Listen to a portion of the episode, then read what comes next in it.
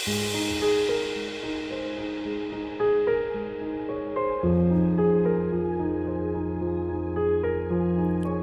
tulemast, olete kuulamas taas kord podcasti Koosloomine. mina olen Heidi ja mina olen Algis. ja me mõtlesime, et me vahepeal äh, tuleme siia jälle kahekesi. meil on nüüd äh, käsil viies saade, eks jah mm. -hmm. Ja, ja põhjus, miks me siia kahekesi mõtlesime tulla vahepeal oli see, et äh, ma olen tegelikult täiesti üllatunud, et me oleme saanud äh, väga palju kirju alates sellest äh, esimesest osast. ja inimesed on kirjutanud meile nii armsaid tagasisidesid, inimesed on jaganud oma lugusid, oma taipamisi ja inimesed on äh, esitanud väga palju küsimusi vahepeal meie kohta. Et äh, me tundsime ka, et see Instagrami platvorm äh,, koosloomise konto, mis meil seal on me küll jagame seal oma lugu ja oma taipamisi, aga eks see jääb natukene kitsaks. ja kui inimesed küsivad, eks siis peab vastama, onju. nojah, selles mõttes, et meil on ju vahepeal väga põnevad külalised käinud, kellega me oleme saanud nagu hästi sügavatel teemadel rääkida ja sealt on ju ka endal tulnud mingeid äh, protsesse ja mingeid teemasid üles, millega me oleme ka ise viimastel kuudel tegelenud, et tegelikult on see lisaks sellele, et see on inimesi või meie kuulajaid kõnetanud, on meil tegelikult ka endal olnud see noh, nii nagu me esimeses saates ütlesime, et et, et see kõik on selle jaoks, et, et me hakkame ise õppima ja, ja läheme seal teekonnale ja võtame teid kõiki kaasa. ja nii on läinud ka mm. -hmm.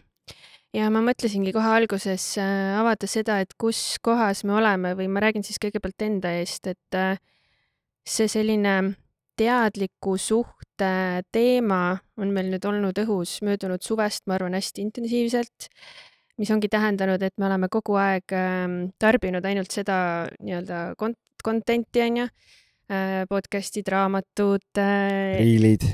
no jah, Instagrami kontod on ju, et ja. Äh, kogu aeg olla hästi kursis ja selle info sees ja siis nüüd, kuna me oleme ka kohtunud erinevate paaridega ja aina rohkem tegelikult ma ka suhtlen inimestega, kuulen nende lugusid ja kõiki noh, erinevaid viise, kuidas siis inimesed tegelikult elavad, siis mul on korraks on praegu tekkinud selline küllastumise, küllastunud tunne sellest, kogu sellest infost. ehk et äh, ma olen natuke nagu väsinud ma arvan, et see on selles mõttes iga asjaga, et kui sa, sul on mingi uus lemmiklaul ja sa kuulad seda mingi sada korda järjest mitu päeva, siis äh, korraks on sihuke. Esimesed, esimesed viis kuni kümme korda mõtled, et noh, enam ühtegi teist laulu kuulata ei saa, sest see on lihtsalt maailma kõige parem laul aga mingil hetkel sa väsid ära, nii et äh, ma olen nõus. jah, eks see nagu see ei ole see, et, et ma ei taha nüüd enam midagi kuulda või areneda, et see on nagu väga kihvt ja nagu ise just märgata ka meie suhtes neid muutusi. aga kuidagi äh, tunnen, et jah, et natuke on liiga palju, et võib-olla ma mõtlesingi, et siis me räägime, mis meil on toimunud selle pooleteist kuu jooksul siis, äh, kui me alustasime oma esi esimese saatega. ja ma lihtsalt täiendaks omalt poolt siia juurde veel seda, et, et ma I can feel you Äh, selles mõttes, et ma tegelikult äh, mingil hetkel ütlesin sulle kodus ka, ma arvan, sa mäletad, et mul on selline tunne, et kõik, ükskõik, loed raamatut, vaatad, kuulad podcast'e, kõiki asju siis kõikidel on mingi oma nägemus, oma arvamus, oma kogemus ja siin on nii lihtne selles mõttes ära uppuda, et siis jääbki see tunne, et mul vahepeal tekkis see tunne, et kas ma elan nagu valesti või, või, või kuidagi see, et et kas see, see suhe või, või sellisel kujul armastus, nagu meil on, et, et kas see siis ei olegi nagu õige või, või piisav kuidagi, et tegelikult hoopis teistmoodi peaks armastama. et, et neid küsimusi on nagu endal hästi palju tekkinud ja eks me jõuame täna siis nende erinevate küsimuste all, mis inimesed on küsinud või need teemad, saame natukene sinna võib-olla sisse ka kaevata, et aga, aga sinna on väga lihtne ära eksida või nagu üle küllastuda, nagu sa ütlesid, et, et natukene peab sellega ettevaatlik olema mm. -hmm aga ma arvan, me võiks kohe alguses siis avada, me ka Instagramis natukene avasime seda teemat, et, et kuna me oleme otsustanud olla sellised äh, ehedad äh, ja siis äh, tekkiski meil tegelikult korralik teema tuli ülesse. et natukene tunnen ka, et me oleme vist elanud või kuidagi äh, kogenud äh, järjest neid samu teemasid nüüd äh, intensiivsemal kujul, neid samu teemasid, mis meil on esimestes saadetes läbi käinud, et me oleme justkui elanud oma saateid. jah, on kuidagi jah, on läinud niimoodi mm. -hmm. ja mis siis juhtus, mis meil juhtus, Algis? meil juhtus selline olukord, et äh, noh, natukene kaugemale minna veel võib-olla, on see, et kui, kui eelmise aasta lõpus ma ütlesin, et minu selle aasta märksõnad on armastus ja usaldus, et, et need on need asjad, mille suunas ma tahan liikuda, et, et kõike, kõike armastada ja usaldada kõike, siis noh, selles mõttes elu kohe võttis kuulda ja pani kohe, kohe vastu hambaid, et vaadata siis, kuidas, kuidas ma nende asjadega hakkama saan. ehk et tegelikult meil siin eelmise aasta lõpus, selle aasta alguses tekkis, tekkis üks olukord, kus minul viskas väga tugevalt armukadeduse üles. ja, ja, ja kuigi ma arvan, ma olen täna nagu keskmisest teadlikum juba ja, ja suudan oma nii-öelda emotsioone ja tundeid nagu analüüsida ja tähele panna ja märgata, siis ikkagi juhtus nii, et, äh, et ühel hetkel see kõik kasvas üle pea ja, ja meil tekkis päris suur tüli, sellepärast et just minu poole pealt, et ma, ma reageerisin üle ja ma ei saanud nende emotsioonide ja tunnetega hakkama Äh, sellel hetkel. et äh,. mina et, ei nimetaks seda tüliks, vaid äh, see oli, see oli jah, see oli raske olukord, aga ma nimetaks seda hästi nagu teadlikult probleemiga tegelemiseks ikkagi, sellepärast et äh, see tähendas, et me kaks äh, ööd kuni hommikuni mm -hmm. arutasime seda teemat okay, lahti. nõus ja, ja mis mulle väga-väga meeldis, et see ei olnudki klassikaline tüli, mida me võiks nimetada tülideks, mis meil on eelmised aastad olnud, vaid äh, ma olen enda üle hästi uhke. Täiesti tunnistan, et ma olen uhke, sellepärast et äh, samamoodi nagu sina ütlesid, et sa oled õppinud nagu märkama, onju, siis ma olen õppinud ka märkama kõiki neid emotsioone ja nagu päriselt eralduma neist ja eralduma ka sinu emotsioonidest ja tullagi nagu täiesti sinna vaatleja rolli, rolli, et ma lihtsalt jälgisingi seda olukorda, mis toimub, jäädes ise hästi kohale hästi enda sisse, hästi kehasse. ja, ja niimoodi ma kuidagi üritasin siis toetada sind selles hästi raskes kohas. Ja tänu sellele, et äh, ma usun, et ma hoidsin sulle hästi seda ruumi ja sul oli lõpuks ikkagi turvaline päriselt äh, väga haavatavalt ennast mulle jagada, siis selle kahe ööga ma sain sinust, ma arvan, rohkem teada, kui ma üldse ennem teadsin et äh, rohkem said ka sina iseenda kohta teada, ma arvan, kui sina üldse arvasid, et sa tead enda kohta. ehk et äh, kui äh, üks paar jõuabki sinna kohta, kus ta saab üksteisele nii ausalt avaneda ja, ja me juba jõudsimegi nende päevade jooksul tegelikult välja teatud nagu põhjusteni siis või et kust need asjad tegelikult üldse tulevad ja tihti tegelikult on ju see paarisuhetes kõik erinevad konfliktid, et äh, väga harva on need seotud tegelikult partneriga. enamus kordadest on nad ikkagi seotud sinu endaga. Jaa, tegelikult ma mäletan seda ühte päeva, äh, kus mul äh, nii-öelda maailm varises kokku, et mul see olukord tõi, tõi üles niisuguse, ma ei tea, peaaegu kümne aasta taguse asja. Noh, sarnane situatsioon lihtsalt tõi selle vana valu uuesti ülesse ja tegelikult ma ei olnud kodus äh, sellel hetkel. Ja ma mäletan seda, kui, kui ma sulle helistasin ja ma, ja ma ei, ma ei helistanud, äh, häälsõnumeid tegin Heidile ja mul oli üli, üliraske sellepärast, et ma jõudsin arusaamisele sellel hommikul, et äh, asi ei ole, nagu Heidi ütles, et asi ei ole meie Äh, meie suhtes, vaid et tegelikult on see, et minus kerkis üles mingi hirm äh, jääda üksi. et mingi vana, mingi vana selline hüljatuse või mingi, mingi selline hirm tuli ülesse ja, ja tegelikult ma sain aru, et see on kuskil hoopis sügavamal ja kuskil kaugemal. ja, ja see natukene võib-olla aitas ka seda olukorda lahti mõtestada tegelikult ja, ja kui me siis hakkasime rääkima sellest olukorrast, et et mida, kuidas mina seda olukorda nägin, mis tundeid see minus tekitas, mis, mis emotsioonid see üles tõi. ja, ja tegelikult siis ma avasin nende kaks ööd, kui me rääkisime kokku seal kümme tundi, siis tegelikult sealt ju ma rääkisin sulle sellest ajast, kui me veel koos ei olnud mm. -hmm. ja sina, sina said väga palju uusi asju teada minu kohta, mida enne polnud kuidagi olnud põhjust või vajadust nagu avada mm. -hmm. ja tegelikult lihtsalt taust on, oligi see, et, et sealt koorus välja see, mida ma esimeses saates ka tegelikult põgusalt mainisin, on see, et, et ma ei usalda mehi teatud põhjustel, sest ma ei usalda võib-olla iseenda käitumise pärast, mida ma olen teinud enne seda, kui me kokku saime. ja ma ei usalda naisi, sellepärast et äh, ma nägin, et nende minu tegude tulemusel, kui, kui lihtne on seda usaldust kuritarvitada. et äh, ja, ja päris põnev oli tegelikult see protsess, et, äh, et me võtsime, lahendasime tegelikult selle teema ära. ja tegelikult äh, sa jõudsid veel ka sinna, et see laieneb veel nagu enamus valdkondadesse sinu elus mm -hmm. tööalaselt, kuidas sa ei, võib-olla ei usalda ja sa ei taha mingeid asju ära delegeerida. ehk see on selline üleüldine usaldamatus elu vastu, on ju jah, et mul tekkiski see, see nagu mõte või see küsimus, et noh, huvitav tegelikult, et ma ütlesin, et selle aasta märksõna on usaldus mm. -hmm. ja siis tuli välja see, et tegelikult mul on nagu totaalne usaldamatus inimeste suhtes üleüldiselt.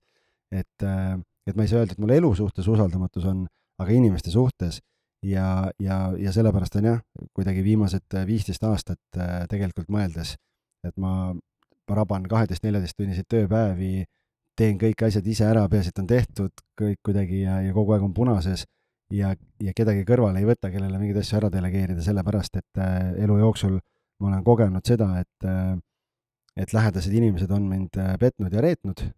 Ja, ja sellest tulenevalt oli mul tekkinud siis see, see kilp või kaitse peale, et ma ei saa mitte kedagi endale lähedale lasta või usaldada, sellepärast et mingil hetkel äh, seda kindlasti kuritarvitatakse sa mainisid seda sõna kilp, me eile õhtul äh, istusime diivani peal ja arutasime, et äh, kuna inimesed on ka palju küsinud, et no kuidas siis algis nüüd ikkagi jõudis sinna kohta, et, äh, et ta hakkas järgi tulema nii-öelda, me ju esimeses saates rääkisime, et mina hakkasin enesearenguga tegelema ja siis sina ei tulnud järgi ja nüüd, et mhm. kuidas sa nüüd järsku siin oled.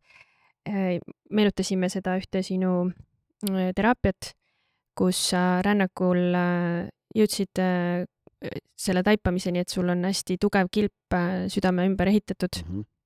ja me ei seostanud üldse seda, ehk et nagu ma lihtsalt tahtsin veel siia lõpetuseks öelda seda, et, äh, et mul tekkis selline tunne eile õhtul, et vau, ma olen elanud sinuga nii kaua, peaaegu pool oma elust ja kas siis alles nüüd on see hetk, kus sa oled avanud mulle oma südame, kas see on üldse võimalik elada kellegiga nii kaua koos, aga ta tege-, tal on tegelikult ikkagi nii suured kaitsed peal.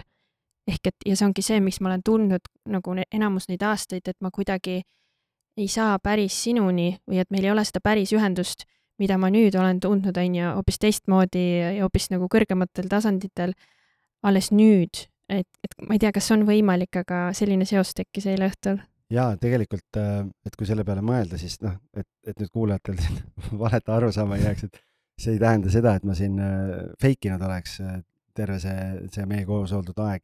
lihtsalt küsimus on selles, et, äh, et võib-olla see meie omavaheline emotsionaalne side ja teineteise mõistmine ei ole olnud sellisel tasemel, nagu ta on praegu.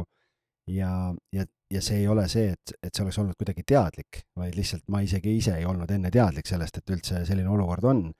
et kui on küsitud, et noh, et kuidas, kuidas ma sinna kohta jõudsin, siis tegelikult äh, oli paar aastat tagasi, ma kõigepealt hakkasin käima meeste joogas, seal olid hingamised, mingid, mingid praktikad, siis ma käisin siin Osho mingeid asju tegin, aga noh, ja sealt kõik tekkisid mingid sellised väikesed eduelamused või kogemused, kuidas on võimalik või kuidas tekib see tunne, et sa pärast tunned ennast palju kergemini, palju paremini, sa oled palju rahulikum.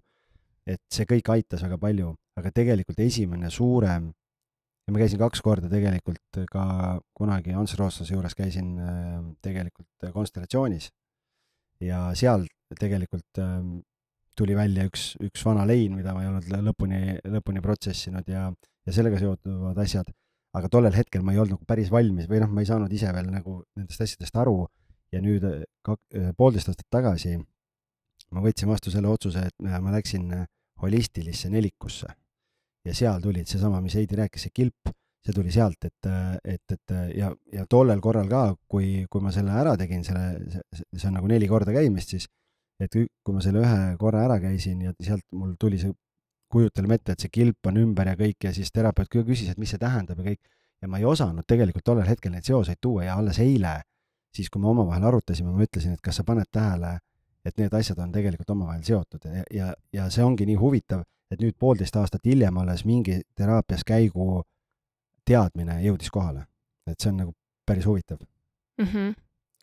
aga ikkagi, kui me juba läksime selle küsimuse juurde, et kuidas siis Algis nüüd jõudis sinna, kus sa praegu oled, äh, et äh, no kui sa võtad selle niimoodi paari nagu mõttega kokku lihtsalt. ma ei oska jah lühidalt. ei no tegelikult me arutasime seda ka, mina tahtsin ju ammu, nagu pressisin ja pressisin, aga see on iga asjaga, sa ei olnud valmis. inimene peab ise valmis olema, sina läksid juba ees, tegid neid asju, lugesid mm, -hmm. tegid mingid äh, nagu väga-väga sügavat tööd iseendaga ja mingitel hetkedel minul alguses tekkis isegi nagu vastumeelsus või trots, sellepärast et mulle tundus, et sa tahad mingite asjadega seoses mind muuta, mitte ennast mm -hmm. võib-olla. ja siis tekkiski isegi natukene võib-olla nagu vastumeelsus ja mõtlesin, et ahah, et noh, sellepärast loed seda raamatut, et, et äh, tahad mulle midagi öelda, et ma peaks nüüd midagi teistmoodi tegema. see oli see mõte, aga tegelikult ja. nüüd sealt ühel hetkel siis ma jõudsingi sinna tegelikult, et ise peab võtma nagu vastutuse selle eest.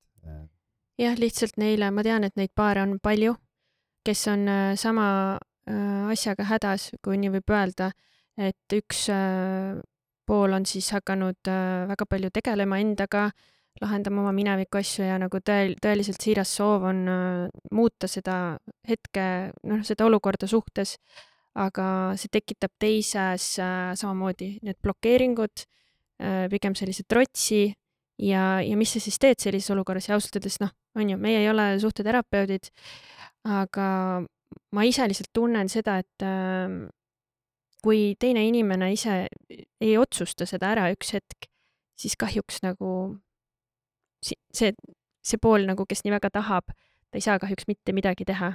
Et äh, ja aitab ka väga palju tegelikult ikkagi, kui inimesed koos läheksid kuskile midagi kogema, et nende nii-öelda need vaated ja südamed saaksid koos avaneda samal lainepikkusel, sellepärast et äh, ma arvan, et me võime ka põgusalt jagada äh, veel seda kogemust, mis meil just hiljuti siin mõned nädalad tagasi olid, et äh, kuna meil tuli see suur usalduse ja armukadeduse teema ülesse, siis me mõtlesimegi, et okei okay,, et me oleme ju terve elu oma suurte egode tõttu üksi pusinud ja üldse mitte pusinud, on ju, ja lootnud, et kõik läheb üle. aga me siis nüüd läksime koos paari äh,, mitte paari, tavalisse paari või pereteraapiasse, vaid me mõtlesime, et see on juba lahja veits et me tegime kaks ööd ise teraapiat. tegime ise teraapia ära endale. ja, ja aga me tundsime ka seda, et need põhjused on kuskil sügavamal, et tahaks kohe sinna juureni saada.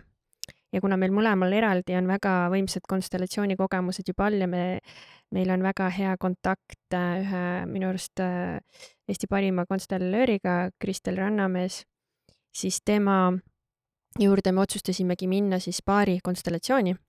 ja see, mida me seal kogesime, ma arvan, et äh, see mõju on ka praegult juba niimoodi vaikselt, et nüüd me alles hakkame seda mõju tundma. kui me seal noh, kohe käisime, on küll korra kergem, aga et nüüd tegelikult hakkad sügavamalt kuidagi tunnetama. ja, ja see oli äh, jah, minu arust nagu parim otsus, mis me tegime, et, et kõigile, kes on ka niimoodi äh, hädas, siis võib-olla ikkagi, kui äh,, kui küsida oma partnerilt et, äh, et kas sa ikka tahad nagu, et mis me siin suhtes teeme, et kas sa tahad minuga koos olla, kas sa armastad mind, kas see suhe on sulle tähtis? kui need vastused on jah, siis, äh, siis vähemalt nii palju võiks äh, ikkagi vastu tulla üksteisele, et koos midagi kogeda ja siis vaadata edasi, kas seal annab midagi teha või mitte, et kui omal käel ei saa. aga Algis, äkki sa jagad natukene, sest et tegelikult ikkagi see paari konstellatsioon kujunes ikkagi selliseks, et äh, sina läksid üksi sinna väljale oma lugu tegema ja mina olin rohkem see toetavam pool. et äh, me ei pea detailini minema, aga lihtsalt äh, võib-olla sellest rääkida natuke, kui suur võim võib sellel konstellatsioonil olla. Ja tegelikult oli veel see, et mina pikalt isegi ütlesin Heidile, et, et äkki ma ikka lähen üksi. et ma lähen, lahen, tegelen oma teemaga, ma lähen üksi, et noh, sa ei pea tulema aga tegelikult tagantjärele tarkusena ma ütlen jumal tänatud, et sa ütlesid, et, et ei, ma tulen ka, et lähme koos. sellepärast, et, et seal kahekesi koos olles, olgugi et mina tegelesin enda teemaga, sina olid seal kõrval, see aitas sul jälle minust paremini aru saada, kust need asjad tulevad ja, ja sa noh, võid pärast ise võib-olla juurde kommenteerida, aga sa pärast ise ka ütlesid ju tegelikult, et see tegelikult nagu muutis sinu sees ka mingeid asju ja, ja mõjus sulle et, äh, et seal oli jah, me läksime sinna konstellatsiooni, siis me rääkisime oma teemad ära ja, ja siis äh, Kristel ütles, et okei okay,, et et mul on ettepanek, et tegeleme sinu teemaga ja siis ma ütlesin, et, et teeme. ja see oli hästi huvitav mm,, kuidas me tegelikult jõudsime välja üldse lapsepõlve. Ja tuli välja, tulid välja mingid sündmused, mingid kogemused, mida ma olin kogenud siis seal noore poisina kuskil vanuses üheksa-kümme. ja, ja tegelikult sealt oli tekkinud see kandev tunne või emotsioon, et kuidas mind reedeti. ja see on saatnud mind äh, terve elu selles osas, et ma lihtsalt ei usalda ja ma ei lase inimesi ligi endale sellepärast, et äh, ma ei taha uuesti haiget saada. ja see on mõjutanud, see on päris huvitav tegelikult, et see on, ma olen praegu nelikümmend, et see on kolmkümmend aastat mind saatnud nii, et ma ei tea seda. et äh, ja see kogemus nüüd lihtsalt, et mitte seal detailidest rääkida, mis seal siis oli, et noh, see muidu me võiks siin eraldi saate teha sellest, aga aga, aga mis selle tulemus oli, oli see, et see olukord tegelikult, mis mul põhjustas selle esimese sellise reaktsiooni, on tegelikult kordunud hiljem ka. see, see olukord nii-öelda ei ole kadunud, see asi, mis mind nagu häiris, see häirib mind siiamaani, aga mul ei ole seda kaasnevat äh, ülereageerimist või, või sellist liigset emotsionaalsust sellega seoses. laengut et, nagu. seda laengut ei ole mm, -hmm. et, et ma olen, suudan välja öelda selle, et mulle ei meeldi see, mulle ei sobi see, see endiselt häirib mind, aga ma ei, ma ei hakka paugutama kodus. et, et ma suudan jääda nagu enam-vähem mõistlikuks, et, et siiamaani vähemalt on, see on päris huvitav võrdlus tegelikult olnud ja see on paari nädala protsess nüüd mm. -hmm. ja Kristel ju ütles ka, et, et kas me üldse tegelikult saame kunagi sada protsenti usaldada. kas me tegelikult sada protsenti usaldame ka iseennast, et tegelikult niisugust asja ei ole olemas? Jaa, sest ta, see oli hästi huvitav, et ta tõi selle välja, et ta ütles, et nii palju, kui tema on, see on, ma ei tea, ta on ju kümme-viisteist aastat on tegelenud konstellatsiooniga. rohkem vist isegi. noh, no väga pikalt, noh mm -hmm et ja ta ütles, et ma ei mäleta, mis ta ütles, mis see hulk on, mis, mis, kui palju ta neid materjale ja raamatuid läbi töötanud ja, ja klientidega kogemused ja kõik ja ta ütles, et sellist asja nagu sada protsenti usaldus ei ole olemas mm. -hmm. ja see oli minu jaoks see, et okei okay,, et nagu noh, et selles mõttes, et, et seda idealismi ei olegi mõtet nagu taga ajada, aga küsimus on lihtsalt selles, et ja, ja üks asi, mis mulle väga meeldis, mis, mis ta küsis või ta ütles, et on väga suur vahe intuitsioonil ja paranoial mm. -hmm. ehk et kui su sisetunne ütleb, et sulle ei meeldi või sulle ei sobi või sa kardad, et midagi juhtub või kuidagi see on halb, et see on okei okay.. aga küsimus on selles, et kui sa hakkad endale sinna seda juttu veeretama või seda, seda lumepalli kasvatama, siis ühel hetkel sa muutud paranoiliseks. ja sa, ja see on juba teine asi, et, et seal tuleb nagu üritada seda selget mõistust hoida ja ma arvan, et tihtipeale juhtubki see, et eriti need inimesed, kellel see armukadedus väga tugevalt välja lööb, ei saagi aru, kust hetkest see nii-öelda ratsionaalsus on ammu-ammu kadunud ja tegelikult lihtsalt äh, on endale mõeldud see tont äh, suuremaks, kui ta tegelikult on ja siis, ja siis jahvatatakse seda ja, ja siis on see rong on juba, juba väga vales suunas liikunud mm. -hmm. just, et näha seda suuremat pilti, et kust see siis tuli ja selles hetkes siis endale teadvustada, et äh, okei okay,, ma kogen seda praegu, aga ma ei ole enam see kümneaastane algis mm. -hmm. et minuga on kõik hästi tegelikult mm. -hmm. ja, ja see, et mina sain ka näha ja kogeda äh, seda, mis seal toimus, samamoodi aitab äh, minul nii palju paremini sind mõista. ja, ja hästi tore oli kuulda ka siis äh, terapeudilt äh, seda, et tihti tegelikult paarid ei suuda minna niimoodi noh, nii sügavale ja nii lahti, kui on nagu mõlemad kohal. sest inimesed ei julge üksteise ees olla haavatavad tegelikult lõpuni välja paari suhtes ja, ja ta kuidagi tõigi selle välja, et seda oli nii ilus näha, kuidas meie sõna otseses mõttes julgemegi olla noh, täiesti alasti üksteise ees. et ei, ei tekkinud mingeid äh, müüre ette. ja, ja see, vot seda oli nagu kihvt äh, kogeda, et tegelikult äh, ma arvan, et, et jõuabki ka sellise hetkega kohale paremini, et, ähm, et isegi kui meil tulevad praegu mingisugused raskused, mis tulevad elu lõpuni aga et tegelikult, kui, ähm, kui suure töö me oleme selles mõttes ära teinud, et kui, kui palju paremas kohas ikka me oleme äh, üksteise hoidmisel, ma mõtlen just äh, ka selles äh, kommunikatsioonis ja, ja selles, et me päriselt olemegi tiim. et me ei ole üksteise vastu ja me alati üritame mõista, et isegi kui, isegi kui me ei suuda nii-öelda lõpuni mõista, me vähemalt üritame mõista teise vaadet. ja no ma ütlen, et see on äh, väga põnev kogemus ja ma arvan, et me selle kogemuse ja selle töö vilju siin saame lähiajal veel ja veel protsessida selles mõttes, et see, see, ma arvan, kestab ju edasi, aga olu-, aga ma selles mõttes soovitan soojalt, et äh, võtke see samm ja minge koos. See, ma ei tea, kas see on paarikonstellatsioon või on see mingi muu teraap-, teraapia vorm, et igaüks leiab endale selle, kuhu, kes teda kõnetab või kuhu ta soovib minna mm. -hmm. aga meie jaoks see nagu oli väga, väga selline e-, edukas või selline eduelamus oli sealt mm. -hmm. aga kui nüüd liikuda edasi, siis äh, minult on nüüd äh, niimoodi tuttavad, keda ma olen siin vahepeal näinud ja ja kuigi me oleme jaganud ja Instagramis ikkagi neid teemasid toonud, aga ikkagi küsitakse, et noh, et, et mul on ka ikkagi nüüd praegult suhtes, äh, noh, ma näen, et mul on raske koht ja ja teie ju tulite sealt läbi, et kuidas siis, kuidas ikkagi, kuidas te saite nii-öelda selle laeva teisele kursile juhitud?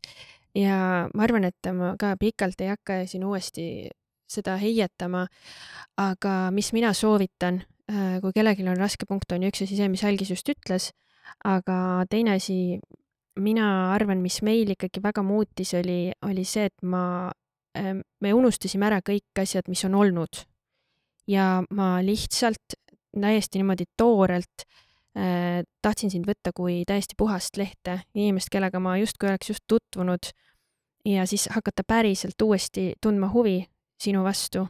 et kui me olimegi nii kaugele üksteisest triivinud, siis äh, aru saada, et kes sa üldse oled täna, kellega ma olen abielus, et äh,, et ma arvan, seda võib ka igaüks küsida, et ma ei tea, olete te viis või kümme või, või kakskümmend aastat koos olnud, et kas sa päriselt tead, kellega sa koos elad, kas te räägite? kas te räägite nagu sügavatel teemadel või räägite te ainult sellest, kes kelle lapse lasteaeda viib või mis me täna süüa teeme? Äh, et ikkagi uuesti see ühendus äh, üles leida sellel tasandil. ja ma olen nõus, sellepärast et äh, kui me mõtleme selle peale, et millised inimesed meie olime aastal kaks tuhat üheksa, kui me kohtusime, siis me täna ei ole need inimesed ja kui, kui ma lähtuks sellest, et ah, ma tean küll, et noh, et milline sa olid, kui, kui me kokku saime noh, siis tegelikult äh, inimesed ju elu jooksul muutuvad, mõni rohkem, mõni vähem. Ähm, noh, kurb on see, et võib-olla mõned, mõned püsivad ka paigal, sellepärast et, et nad ei taha kuskile edasi liikuda.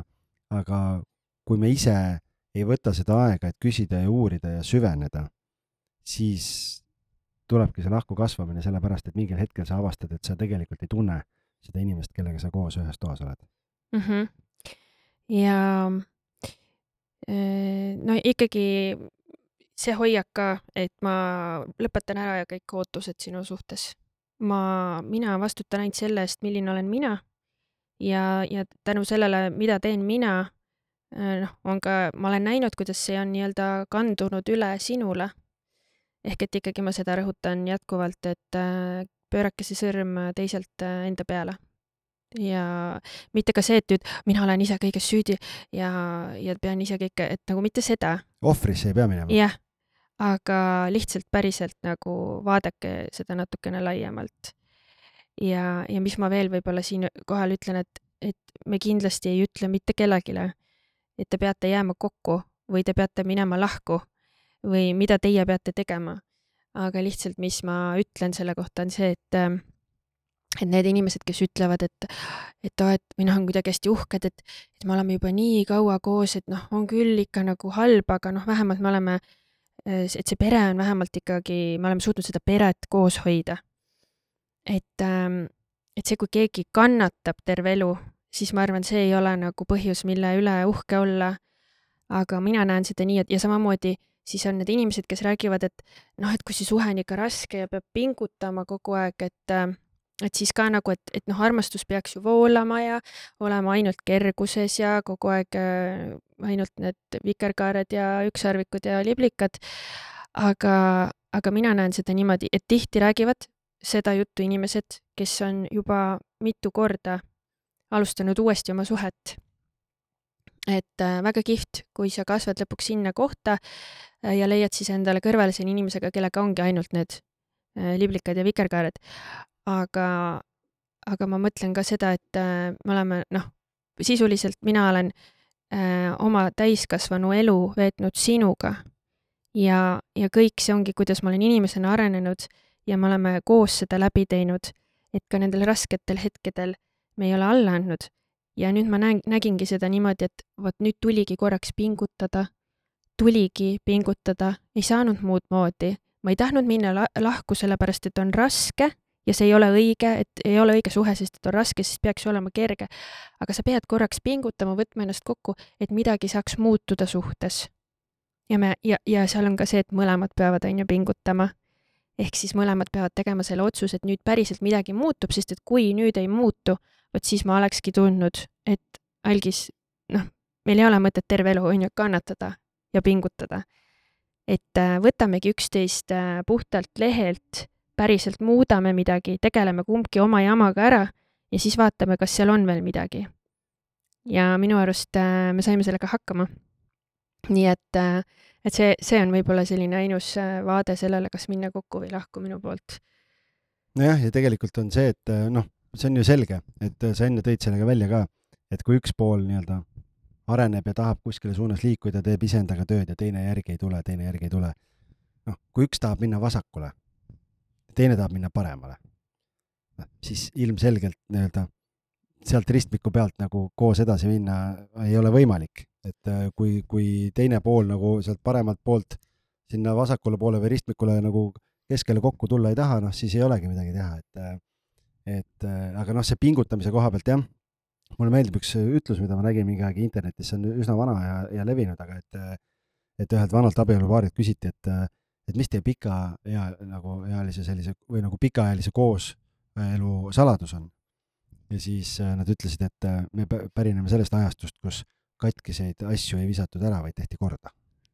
ja minu meelest see kehtib tegelikult inimsuhete kohta ka, et, äh, et selleks, et kui sul suhe on katki, siis esimene pingutus, nagu Heidi ütles, see pingutus peaks olema see, et vaatame, kas me saame korda. ja kui siis selgub, et noh, ei saa korda noh, siis see, see samm on alati võimalik teha. aga, aga noh, et see, et kergekäeliselt kuidagi otsustada ilma proovimata, noh, see on selline, selline lihtsam vastupanu teed minek ja, ja veel kord, ma ei mäleta, kellega ma rääkisin, üks kunagine kolleeg oli, kes oli ka äh, mitu korda oli tal äh, suhe, suhe metsaline, ta oli minust äh, oluliselt vanem äh, meesterahvas. ja siis ta ütles teada algis, et äh, ainuke asi, mis muutub, kui sa võtad uue naise, on jalanumber ehk et tema point oli selles, et probleemid jäävad samaks. tollel hetkel ma ei saanud sellest muidugi aru, aga selle mõte on selles, et kui sina ise oled samasugune, nagu sa olid eelmises suhtes, ehk et kui sa ei võta sellest suhtest mingeid õppetunde või mingeid kogemusi kaasa, siis sa lähed ise samasugusena äh, sinna uude suhtesse ja tegelikult needsamad mustrid ja samad probleemid mm -hmm. hakkavad korduma, sellepärast et äh, et sa ise ei ole mitte kuidagi teistsugune, kui sa olid selle eelmise partneriga mm. -hmm. jah, kõik hakkab äh, uuesti otsast pihta. nii et äh, jah, nii on. mina tunnen, et äh, ka, et nii on, et pere on väga suur väärtus äh,, mille nimel noh no, olla koos ja hoida seda koos, aga mitte nii, et me kannatame. jah, sest kui teie siis... kannatate, siis lapsed ja kogu mm -hmm. kodune olukord kannatab. ja, ja siis on üks teema veel äh, mis on minu arust hästi ka nagu ühiskondlikus plaanis tulnud ülesse aina rohkem, on need sõltuvussuhted. ja, ja siis me oleme ka nüüd väga palju mõelnud selle peale, et, et kas meie siis ka mm, oleme sõltuvuses üksteisest. et kui meil oli ka see armukadeduse teema siin laual ja üleüldiselt hakkasime filosofeerima ka meeste ja naiste vahelistesse sõprussuhete teemadesse. et, äh, et kui meie justkui oleme siin omas äh, roosas mullis ja algise seisukoht, noh, ma olen ka tegelikult ikkagi samas paadis võib-olla tahtsin äh, korraks tõestada ka iseendale, et, et on võimalik, aga, aga jah, et see mehe ja naise vaheline sõprus, et ühte või teistpidi ta pikemas plaanis minu arust ei kanna. Ja seal on ikkagi see äh, küsimus ka, et kellele sinu aeg ja energia siis läheb, et kui sul on äh, noh, niigi on ju mingid sõbrannad ja, ja veel miljon tegemist, et, et kellega sa siis nagu kogu aeg nagu intensiivselt suhtled, et, et kui, mille arvelt see siis tuleb ja kui palju siis sul tegelikult ka võib-olla õhtuks oma partnerile ressurssi on ja ja, ja siis, ja siis mulle nagu tundubki, et äh, on osa inimesi, kes räägivad, et jah, sul ikka peab olema äh, mitu äh, vastassoost sõpra ka, et näha seda vastassoo vaadet paremini, kui ainult sinu partner sulle avab või peegeldab. Ja, ja et ikkagi ei tohi, et see on vale, et sa toetud nii-öelda või ehitad oma elu ainult koos ühe inimesega üles, et kui teda enam ei ole, et siis sa oled ju üksi ja kõik ongi, on ju, elu on läbi. et noh, mis on nagu ka ühelt poolt äh, ma tunnen, et äh, noh, õige, et äh, keegi ei taha ju üks hetk tunda, et äh, tema kogu maailmas üks inimene, siis kui midagi juhtub, on ju, et siis mu maailm on kadunud justkui. sa oled üksi mm. -hmm. Aga teistpidi nagu kuidagi ma tunnen, et äh, justkui tohiks või see ei ole normaalne toetudagi ainult üksteisele või siis äh, viiagi oma paarisuhe nii sügavale ja, ja siis koos äh, nii-öelda ehitada oma elu, et minna kogu aeg sügavamale, sügavamale ja kogeda koos selle ühe inimesega kõike põhimõtteliselt, et see on nagu justkui vale ja see on sõltuvus. et kust lähevad need piirid, et see on hästi selline minu jaoks hästi huvitav teema, hästi vastuoluline teema Äh, et jah, võib-olla nagu teine asi selles pooles on see, noh, sõltuvus, sõltuvus saab olla igas mõttes, on ju, mingi majanduslikult sõltumu, sõltumine, on ju, mingi üldse elus hakkamasaamine, et kui äh, üks inimene peab kogu aeg nagu, ma ei tea, kõik elukorralduse teise eest ära tegema, on ju, noh, see on teine teema, ma ei räägi praegu sellest. Aga ma mõtlen üleüldiselt siis, et, et sa justkui lubad selle ühe inimesega minna kogu aeg ainult sügavamale ja sügavamale. Ja siis see on nagu justkui võib-olla tegelikult nii ei peaks tegema. Noh, sellega, selles mõttes mul on, see on väga tugevalt seotud, see jutt, mida kõike sa, sa rääkisid praegu, ongi seotud selle kogemusega, kust mul on väga palju tekkinud seda usaldamatust äh, elu jooksul nii naiste kui, kui meeste suhtes, sellepärast et äh, kui ma olin noor mees, siis väga paljud sõbrad ütlesid mulle, et aa, Algis on see naistesõber. ja mida see tähendas, see tegelikult tähendas seda, et mul oli väga palju inimesi ümber, kui ma olin noor äh,, väga paljude äh, väga palju sõbrannasid, äh, suhtlesin, olin alati olemas, kõik, mis oli vaja, kõik on ju, et äh, ja tegelikult oli see, et äh, päris palju juhtus selliseid olukordi, kus siis mingitest, ma olin see õlg, kes oli olemas, kui oli vaja ja nii edasi ja praegu näed, päris raskeks läheb rääkida seda, et see, sulle otsa vaadata ja rääkida nendest teemadest, on ju. et äh, neid juhuseid äh, oli omajagu, kus sellest lõpuks kasvas midagi enamat, selles mõttes, et mitte mingit suurt armastust või midagi, vaid äh, nagu midagi seksuaalset või noh, mingeid selliseid olukordi. lisaks olen ma näinud elu jooksul päris palju olukordi, kus väidetakse, et mees ja naine on sõbrad omavahel, kuni sinnamaani, kuni ühel hetkel üks tunneb midagi enamat ja, ja, ja sealt on, ja ma olen näinud siis äh, neid olukordi, ehk et kui, kui keegi väidab mulle, et mehe ja naise vaheline sõprus on võimalik, siis ma usun ja ma olen nõus. aga minu maailma see ei mahu. lihtsalt selles mõttes, et ma usun, et sul on võimalik, mhm. aga minu maailmas see ei ole võimalik. Et see on nagu üks pool ja teine pool on lihtsalt see, et äh, ma mõtlen nagu enda peale, kui sa rääkisid sellest sõltuvussuhtest, see oli ka üks asi, mida ma vist, ma ei mäleta, kas peale Igori ja Bella saadet või, või Tiidu ja Kerli saadet ütlesin Heidile äh, üldse nagu nagu täiega fännan neid inimesi nagu, et nad meil ja, ja ülitänulik, et nad meil saates käisid. aga minus lihtsalt tekitas, tekitasid mingid mõtted nagu sellise tunde, et minu armastuse mull lõhkes. sellepärast, et see oligi see koht, kus ma Heidile ütlesin, et, et kas siis see,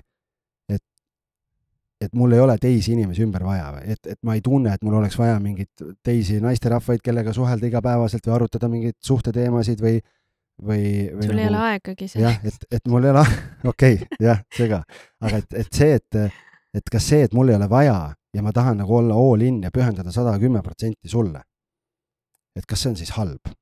et, et okei okay,, nii, et ma olen siis sõltuvussuhtes, ma olen sinust sõltuvuses, sellepärast et äh, mul on pikad tööpäevad, on ju, ma tulen koju äh,, siis äh, kodus toimetamist, lastega toimetamist ja siis äh, nii-öelda äh, Ehm, üritan siis hoida seda, et, et oleks ka sinu jaoks aega ja energiat, alati ei õnnestu, isegi praegu, on ju, et, et kas siis see, kui mul peale sinu ühtegi teist inimest ümber ei ole, et miks see siis nagu halb on? et kas siis see oleks parem, kui mul on, jagan ennast veel kolme-nelja-viie inimesega, kellega mul on mingid vestlused ja asjad, et siis mul tekib küsimus, et aga, kui, kuhu see sinu aeg siis jääb, et kui ma veel ennast laiali laotan mööda linna igale poole, et siis, siis ma ei saagi all in minna ja kui ma sinu, kui ma ei panusta meie suhtesse, isegi selle vähese aja jooksul, mis mul on, ei panusta, siis kuidas või miks ma üldse eeldan või ootan, et see suhe saaks toimida selliselt, et meil on hea olla mm. -hmm. no see ei tähenda nüüd ka seda ju, et me maniakaalselt hoiame üksteisest kinni ja jumala eest keegi ei või kellegiga nagu rääkida või suhelda ja meil on äh, väga mitmeid paare ju, kellega me käime läbi ja oleme niimoodi nagu paaridena sõbrad ja ja see, noh, see ongi meie puhul ilmselt see, mis meile sobib. ja, ja taaskord, see on nagu iga asjaga, nagu ma ütlesin alguses ka, meil on nii, aga see ei tähenda, et teistel võib olla teistpidi ja imehästi sobida ja kõik nagu voolab, onju, ja jookseb äh, ideaalselt mm. -hmm. Aga meie elu on selline ja kui me nüüd räägime ka meie elust, siis äh, väga palju äh, tuli tegelikult ka küsimusi selle kohta et palun siis avage meile, et äh, milline on teie argipäev? töine tegelikult on jah, on see, et mõlemal on praegu selline intensiivne periood ja mina olen ka näinud või aru saanud seda, et noh, elu ei ole kogu aeg ühesugune, ongi mingid perioodid, kus sul on rohkem aega teha kõiki neid asju, mida sa täiega tahad ja kõik on niisugune rahulik. Ja siis on mingid perioodid, kus äh, ongi väga kiire, äh, mingite süsteemide ülesehitamine, äh, õppimine, minul on hästi intensiivne õppimise periood praegu.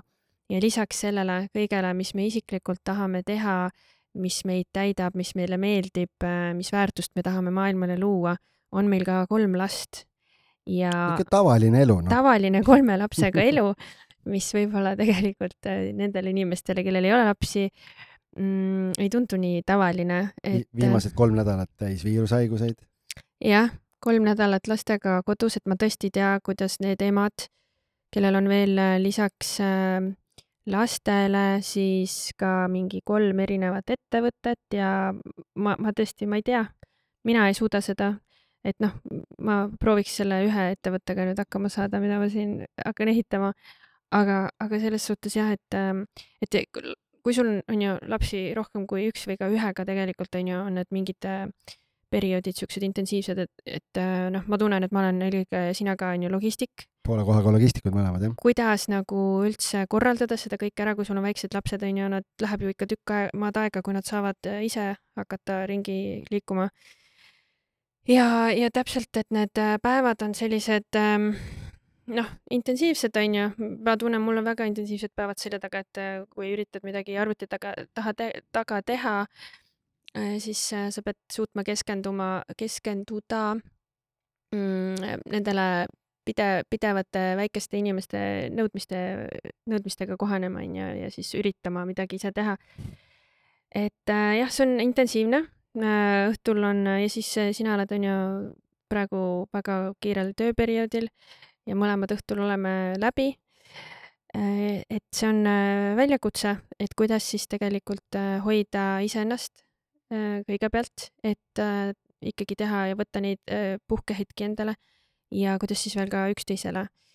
et ähm, jah, selline see meie elu nagu on, aga, aga ikkagi ma näen, et see elu on nii palju muutunud Äh, see on ka järgmine teema, mida palju küsiti, et äh, kohtingud. hästi oluline osa ikkagi paari suhtes, et äh, kui me ka mm, mõtleme, et ma ei tea, leiame õhtul mingi hetke, et arutada teemasid või, või lihtsalt koos olla lõõgastuda sellest pikast päevast, siis äh, hästi oluline on minu, minu arust ikkagi ka kodust välja saada. ja mida siis kodust väljas teha ma enne, Heidi, enne veel, kui sa kodust väljas, tegelikult üks võib-olla soovitus mm -hmm. on ka see, et noh, kui me praegu väga pinnapealselt, see on kolme lapsega elu, et noh, see on see, see logistika ja kodused toimetused ja asjad ja kõik see intensiivsus on nagu väga-väga kõrge. Et siis ei tasu nagu ära unustada seda, et, et kui on ka tööalaselt kiire periood ja asjad, et mida me teeme, on see, et õhtul tšekata partneri käest, et kuidas sul on, mitu protsenti sul on täna ja see on väga hea teema, mille me oleme võtnud kasutusele. Mm -hmm. et enne kui veel sinna kohtingutele minna, et tegelikult, et see kodune, kodune olukord, et, et kuidas sul täna on, et noh, Heidil oli ka eelmine nädal oli, oli väga intensiivne ja, ja mingi õhtu sa tulid koju ja ütlesid, et sorry, noh, ma ei, täna ei suuda, ma ei jaksa, et võta üle ja, ja siis ongi noh, teed süüa ja, ja, ja pesed nõud ja vaatad, et lapsed pepud pestud, hambad pestud, noh, kõik asjad tehtud. et, et see peab olema selline tiimi, see on nagu tiimitöö, mitte ei pea olema, vaid, vaid see võiks olla tiimitöö. et mm -hmm. kus Mhm. siis ei ole nii, et on äh, sinu asjad ja minu asjad või et mina nõusid ei pese, et see on sinu rida või kuidagi, et kui on vaja, siis, siis noh, carry'd ära ja, ja teed ära, mis on vaja meil jah, neid meeste ja naiste tööd eraldi nagu ei ole, mm. -hmm. Et äh, selle üle mul on ka väga hea meel, et äh, mis iganes meil on suhtes toimu-, toimunud, aga kodus me kuidagi ikkagi ka nendes tööjaotustes oleme suutnud olla alati tiim ja ma mäletan, kui me käisime ühtede sõpradega reisil ja nad veel tõid selle välja, et vau, et me, meie läksime natuke varem ära lennuki peale ja siis nad ütlesid ka, et me oleme täiesti äh, hämmastunud, et äh, kuidas teie all mingi pomm-pomm-pomm, sina teed seda, seda, seda. üks teeb söögi, teine peseb nõud. töö, tööjaotus, et, et see on jah, väga kihvt, et, et meil see on, ma olen nagu hästi tänulik sellest ka, et et päris õudne oleks, kui peaks kõike üksi tegema kodus ainult on naise asjad ja mehe asjad, mm. -hmm. et noh, see oleks päris huvitav. ja aga, aga just, et sealt äh, kodust nüüd ikkagi välja saada ka äh, ja mida siis teha. noh, loomulikult me võime klassikaliselt äh,, nii palju küsiti, et kus te siis kohti-, kohtingutel käite, kust te ideid saate, et noh, näiteks homme lähme teatrisse, ülehomme lähme kontserdile, järgmine nädalavahetus, kuidagi, vaata nüüd me oli, kolm nädalat oli sellist äh, kodus äh, olemist onju meil lastega. tegelikult jäi jaanuaris ära kohting mm. -hmm. meil oli planeeritud äh, üks öö kodunt ära, aga kuna lapsed olid haiged, siis äh,, siis me tühistasime ära selle.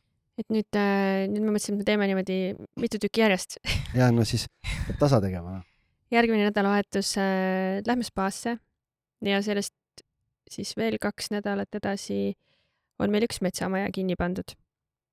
et äh,, et neid nagu hetki tuleb luua, aga äh, aga seal on ka teine pool, et äh, võib-olla mitte lihtsalt niisama käia kuskil äh, kinos äh,, kohvikus ja teatris, vaid äh, mõelda ka võib-olla selliste ürituste või kogemuste peale või, või et kui te ka midagi äh, panete endale nii-öelda book ite ära, et ei pane neid kõiki äh, programmi nagu täis, et jääks ka tegelikult seda aega üksteisele otsa vaadata ja päriselt rääkida või siis, mis on väga hea mõte, mida ma tahaks tegelikult ise ka nüüd ikkagi teha, on need äh, imagoteraapia nädalavahetused. Et äh, ma tunnen, meil on küll selle suhtlemisega juba päris hästi, aga kindlasti saab seal veel paremaks minna, et äh, kui on probleeme suhtlemisega omavahel, siis väga-väga soovitatakse neid äh, imagoteraapia nädalavahetusi, et uurige imagoteraapia kohta.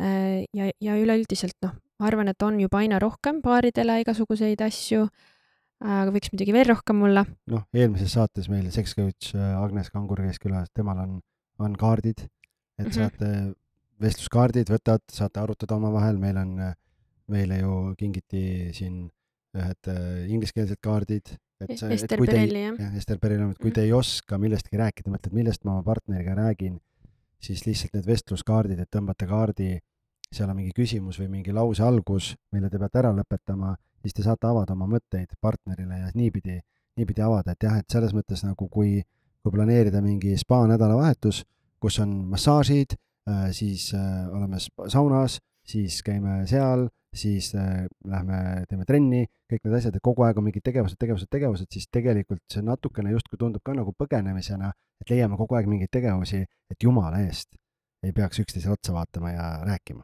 Mhm. et nagu mõelge selle peale. jah, ja ma, ma saan aru, ma tean, et paljudel on probleem ka tugivõrgustikuga, nagu ka meil oli. tegelikult paljuski me ise ei lasknud ligi. Ja nüüd, kui me oleme avanud oma südamed, on ka tekkinud inimesi, kes tegelikult tulevad hoidma. et, et isegi kui ei ole üldse lähedasi, kes saaksid appi tulla, võib-olla on mingid sõbrannad, kellel on lapsed, et ma olen ka kuulnud, tegelikult äh, pole küll ise kogenud, aga olen kuulnud, et äh, et sõbrannad omavahel hüüa-, hoiavad vahest üksteise lapsi. Meil on ka ju sinu sõbrannad pakutud on, aga ma ei ole seda tooge paariks tunniks. jah, ma ei ole äh, julgenud seda lihtsalt vastu võtta, et kuidagi kõik noh, aga, aga see on, ma tean, inimesed teevad nii. et noh, kellel tõesti ei ole, sest lõpuks me oleme, me oleme, noh, nüüd meil on tegelikult väga hästi, meil ei ole isegi enam nagu vaja Jah. nii väga otsida. või siis tõesti viimases hädas, et äh, teha see süda kõvaks ja, ja võtta endale lapsehoidja, kasvõi nagu harva, aga et, et vähemalt keegi vahepeal kui tuleks. sa korra kuus tahad käia. noh, kasvõi, see on Jah. parem kui mitte midagi. Et see on väga-väga oluline osa. ja eh, võib-olla kohtingute osas veel seda ka soovitada, et noh, sa ma- mainisid küll, et tehke koos trenni, aga jaa, miks mitte, ühised spordialad tegelikult äh, ka just, et sa saad koos ka maha laadida, et äh, trenn on ju metsikult hea stressi leevendaja. me käisime suvel jooksmas koos. jah, või kes on ju, nüüd on see popp, see padel, padel on ju. golf, tennis, mm. -hmm. minge praegu koos uisutama, minge suusatama, minge kelgutama, me käisime lastega kelgutamas, koos kelgutasime algisega, nii kihvt ja mõnus oli minge jalutama. ja metsa jalutama, sest äh, looduses ka need äh, südamed, südametasandid avanevad ja vestlused on hoopis teistsugused äh, looduses jalutuskäigul kui kodudiivanil. aga mis, mis jah puudutab seda, ma rääkisin sellest kelgutamisest, et just leidke mingi selline koos äh, veetmise viis, kus te saate naerda, kus te saate tunda ennast nagu väike laps. Need on ka minu arust hästi sellised ühendavad äh, olukorrad et äh, arutage ja mõelge, mis teile meeldib ja, ja tehke koos midagi, lihtsalt olge koos. et ega seal muud kunsti ei ole kui. keegi ütleb, et ma ei saa golfi mängida, et mul ei ole aega või mul ei ole raha või ma ei saa, meil ei ole padelikeskust kodu juures, siis mine siis- kelgutama. jah, või võta käest kinni ja mine jaluta, loodus on kõigile vaba. jah. siis ähm, meilt on ka küsitud ähm, äh, selle läheduse ja kire kohta pikaajalises suhtes, et kuidas see ikkagi on võimalik, et pikaajalises suhtes ma saan veel tunda kirge oma partneri suunas. noh, selle koha pealt tasuks ära kuulata meie eelmine saade, neljas ja saade. ja ma arvan ka, et me väga pikalt ei hakka sellel peatuma, et me väga põhjalikult rääkisime seda Agnesega saates, neljandas saates. nii et äh, keda huvitab see teema, siis kuulake seda saadet.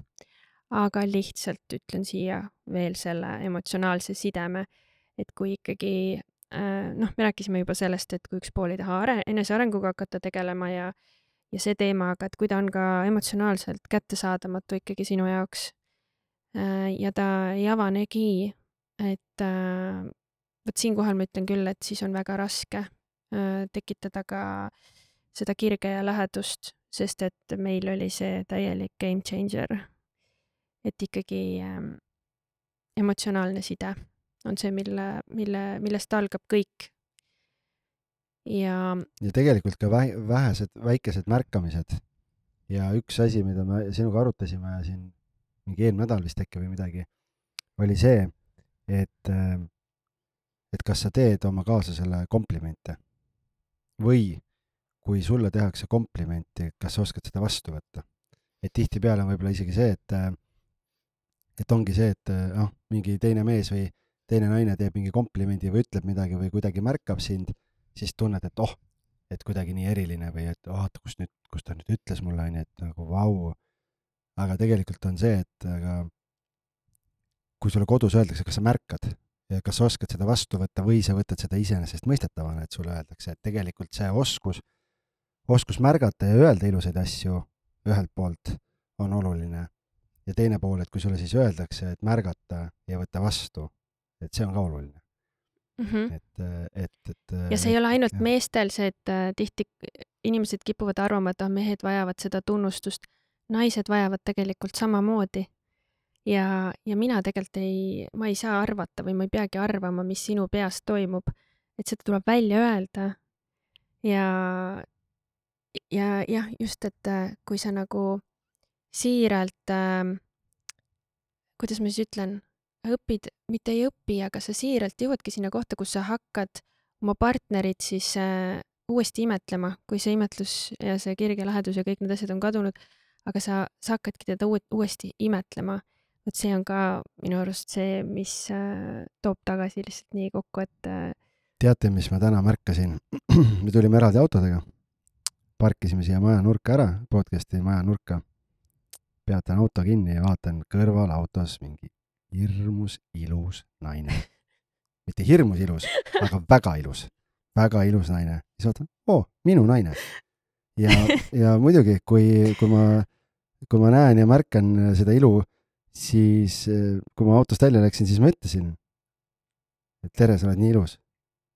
et, et nagu märgake seda ja, ja öelge seda ja mitte sellepärast, et, et linnukest kirja saada või et noh, ma nüüd täna tegin talle komplimendi, et, et nüüd ma olen tubli, tubli mees. Aga siiralt.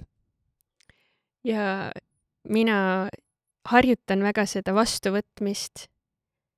ma ei ole ka seda osanud alati aga seda on tegelikult väga hea vastu võtta, kui sa õpid ja lõpuks seda vastu võtma päriselt ja, võib-olla jah, vot jätame veel selle teema, et meeste ja naiste rollid üleüldiselt, et äh, kuidagi ma, ma tunnen, et äh, ma olen täielikult õppinud nüüd kuidagi, ma tahan seda sõna kasutada, see alistumine. Alistumine lihtsalt kuidagi kogu sellesse paarisuhtesse, kogu sellesse armastusse, kogu sellesse naiselikkusesse Äh, lõpetada ära see kontrollimine, ootused, kõik need asjad ja, ja kui ma olen nagu jõudnud sellisesse kohta, siis äh, täpselt see vastuvõtmine, andmine ja vastuvõtmine, mõlemad, peavad olema tasakaalus, aga, aga mitte see kogu aeg, et, et ah, ma nüüd muutun ja annan, annan, annan ja, ja olen ise, hästi nagu arenenud ja nii, aga et õppige vastu võtma, sellel on nii suur vägi. Äh, ja issand, ma kuidagi praegult olen äh, lummatud sellest, mis sa ütlesid, see oli selline ootamatu, aitäh sulle. see on, see on äh, väike asi, sellepärast et, äh, et seda, seda on nii lihtne öelda, kui sa seda tunned päriselt. et, et ma arvan, et siis nendel sõnadel on nagu teistsugune kaal ka. Et, et noh, tegelikult mina olen terve elu, või mis terve elu, terve meie koos olemise aeg, igal õhtul, kui me magama läheme, mis ma ütlen? ma armastan sind. jah. mingitel hetkedel mul endal tekkis see küsimus, et noh, äkki on nagu klišee, vaata, või et, et, et noh, et ütlen sellepärast, et öelda. aga see on sellepärast, et ma tahan, et sa tead seda. ja sellepärast ma ütlen seda igal õhtul, kui me läheme magama. Ja mitte ainult õhtuti magama minnes, aga see, et, et noh, sellega on jälle see vana nali, on ju, et, et naine küsib mehe käest, pensionäridele, et, et kuule, et miks sa üldse ei ütle mulle, et sa et, et, et ma armastan sind ja siis mees ütleb selle peale, et aga kui me abiellusime, siis ma ju altari ees ütlesin sulle, et kui midagi muutub, siis ma annan sulle teada. et noh, ma arvan, nii päris ei peaks olema. ja mina ütlen ju ka.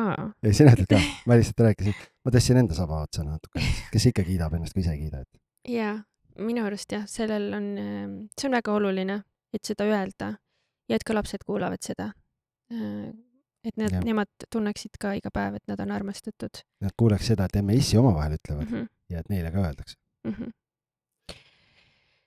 Ja tead, ma vaatan, neid teemasid on veel, mida meilt on küsitud, et äh, peamegi välja mõtlema siis, millal me neid äh, ülejäänud asju kajastame või kas me üldse kajastame, aga ma tahaks siia lõppu veel ikkagi äh, ühe küsimuse võtta, mis tundub selline hästi ilus küsimus, millega kokku võtta meie praegune on, et kuidas tunnete, kas koos olemine on südame, hinge või siis mõistuse valik.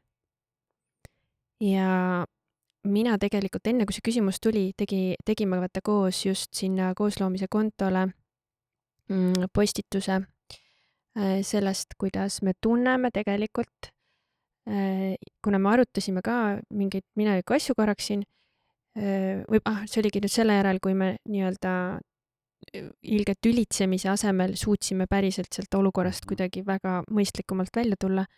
ja ma ütlesin, et tead, Algis, et äh, ükskõik, mis olukorrad meil on elus olnud, ma kuidagi hingetasandil, ma ei oskagi seda paremini selgitada, hingetasandil või nagu teistmoodi siis ka, no süda teab, onju, et, äh, et see ei ole siin praegu kõik et ükskõik kui mustades toonides kõik tundub, et midagi veel on, et mul ei ole, ma olen nagu alati olnud siiamaani veendunud, et äh, meie aeg ei ole veel läbi.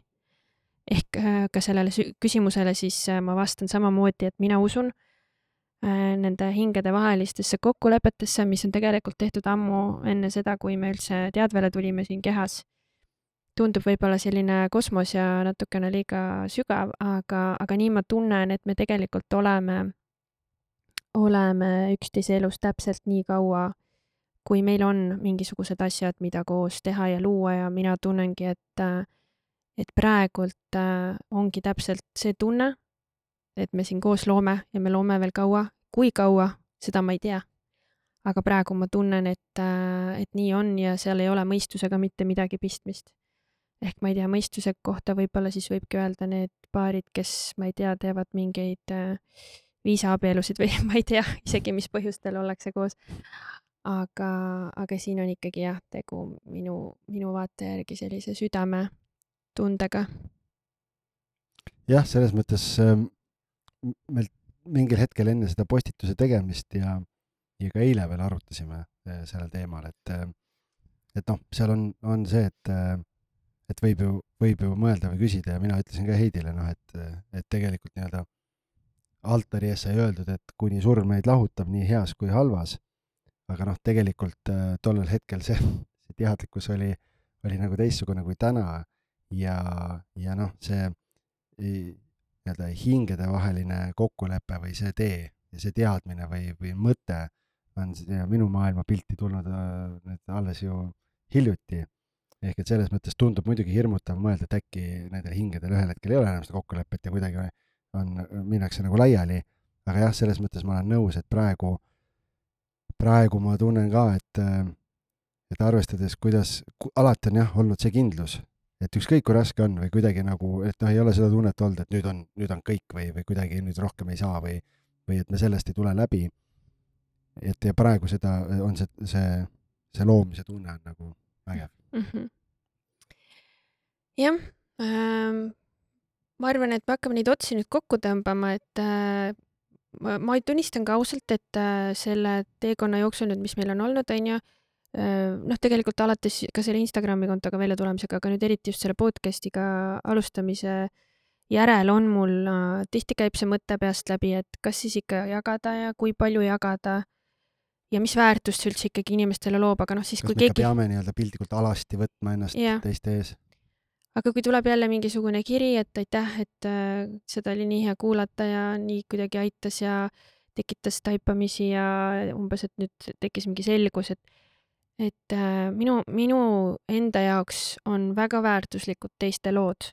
mulle hullult meeldib kuulata teiste lugusid, nendest äh, inspireeruda, õppida, aga see, noh, nagu me ka ütlesime juba varem äh,, küsimus on, et et ära, ära võta kellegi lugu või kellegi mõtteid või vaateid ja ära mõtle, et ah, mina pean nüüd hakkama niimoodi elama.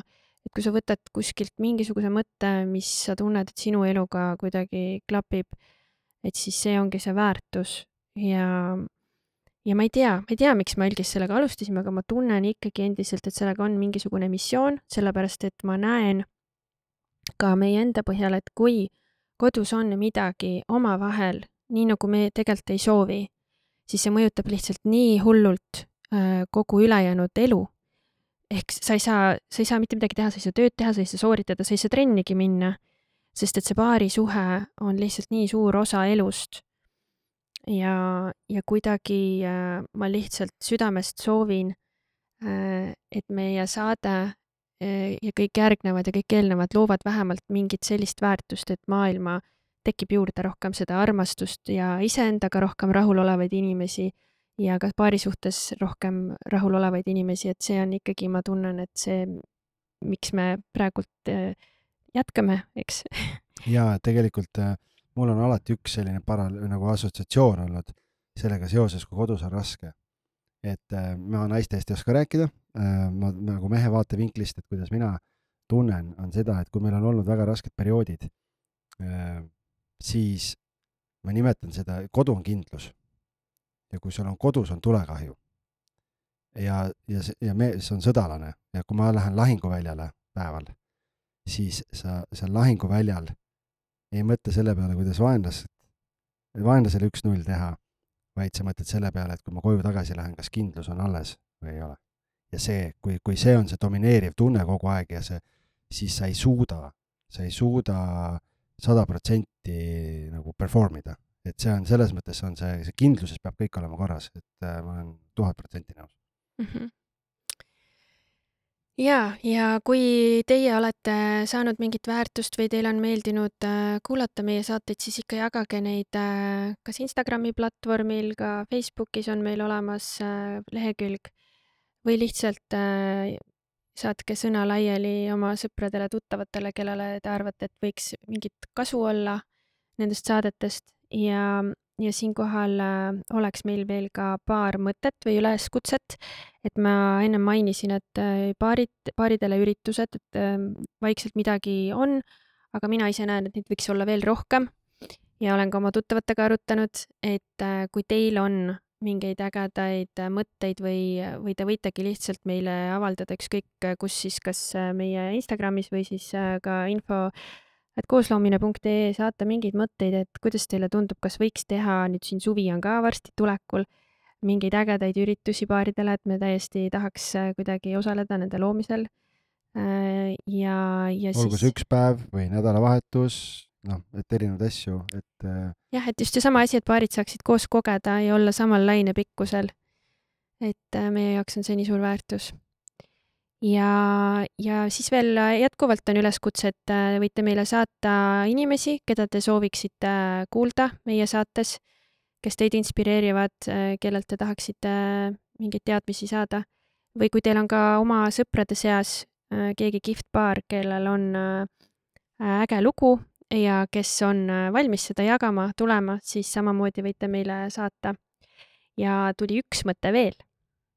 Et äh, kes, see, selle mõtte muide andsid mulle minu äh, head sõbrannad, et kes ei taha tulla võib-olla ise siia podcast'i meiega vestlema ja jagama, siis teeks sellise üleskutse ka veel, et, et jaga, saatke meile lihtsalt kirjalikult oma lugusid. nagu ma ütlesin, lugudel on nii suur väärtus minu jaoks et äh, võib ka teha siis ühe saate millalgi sellise, kus me loeme erinevate paaride lugusid, kuidas, millest nemad on läbi käinud ja kuidas nemad on äh, suutnud hoida siis. et, äh, et see on väga äge mõte. see on väga äge mõte, nii et jagage kindlasti, et eile tuli meile üks selline postkasti üks Mhm. selline lugu ja no, no super on lugeda, et, et suur tänu, kes on võtnud vaevaks selle aja, et meile kirjutada üldse, et see on, nagu- see on nii ja, ja, ja kes kuulab ka, suur tänu jah, teile. just, just, et te olete meiega. Aga meil on üks tänusõnad ka öelda siia lõppu, et, äh, et äh, me tahame tänada sellist toredat äh, Eesti ettevõtet nagu Eeriksaare teetalu. sellepärast, et me oleme ise nende teesid hästi kaua joonud, see on tore, tore, kui eestlased ise teevad midagi ja, ja, ja me nägime, et üks nende tee sobib väga hästi meie külalistele kingiks. et, et kui keegi teist, kes kuulab, on meile saatesse külla tulemas või kui te ei ole meile külla tulemas, et kui te, kui te olete külla tulemas, te teate, et meie poolt on kingituseks teile armastuse vägi. armastuse vägi on selle tee nimi Eeriksaare teetalult.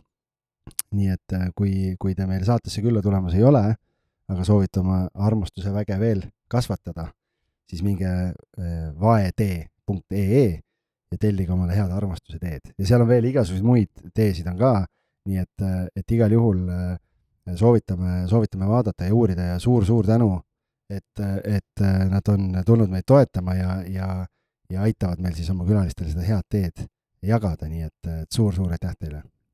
ja hoidke iseennast ja hoidke oma armastust ja varsti kohtume jälle. tšau. tšau!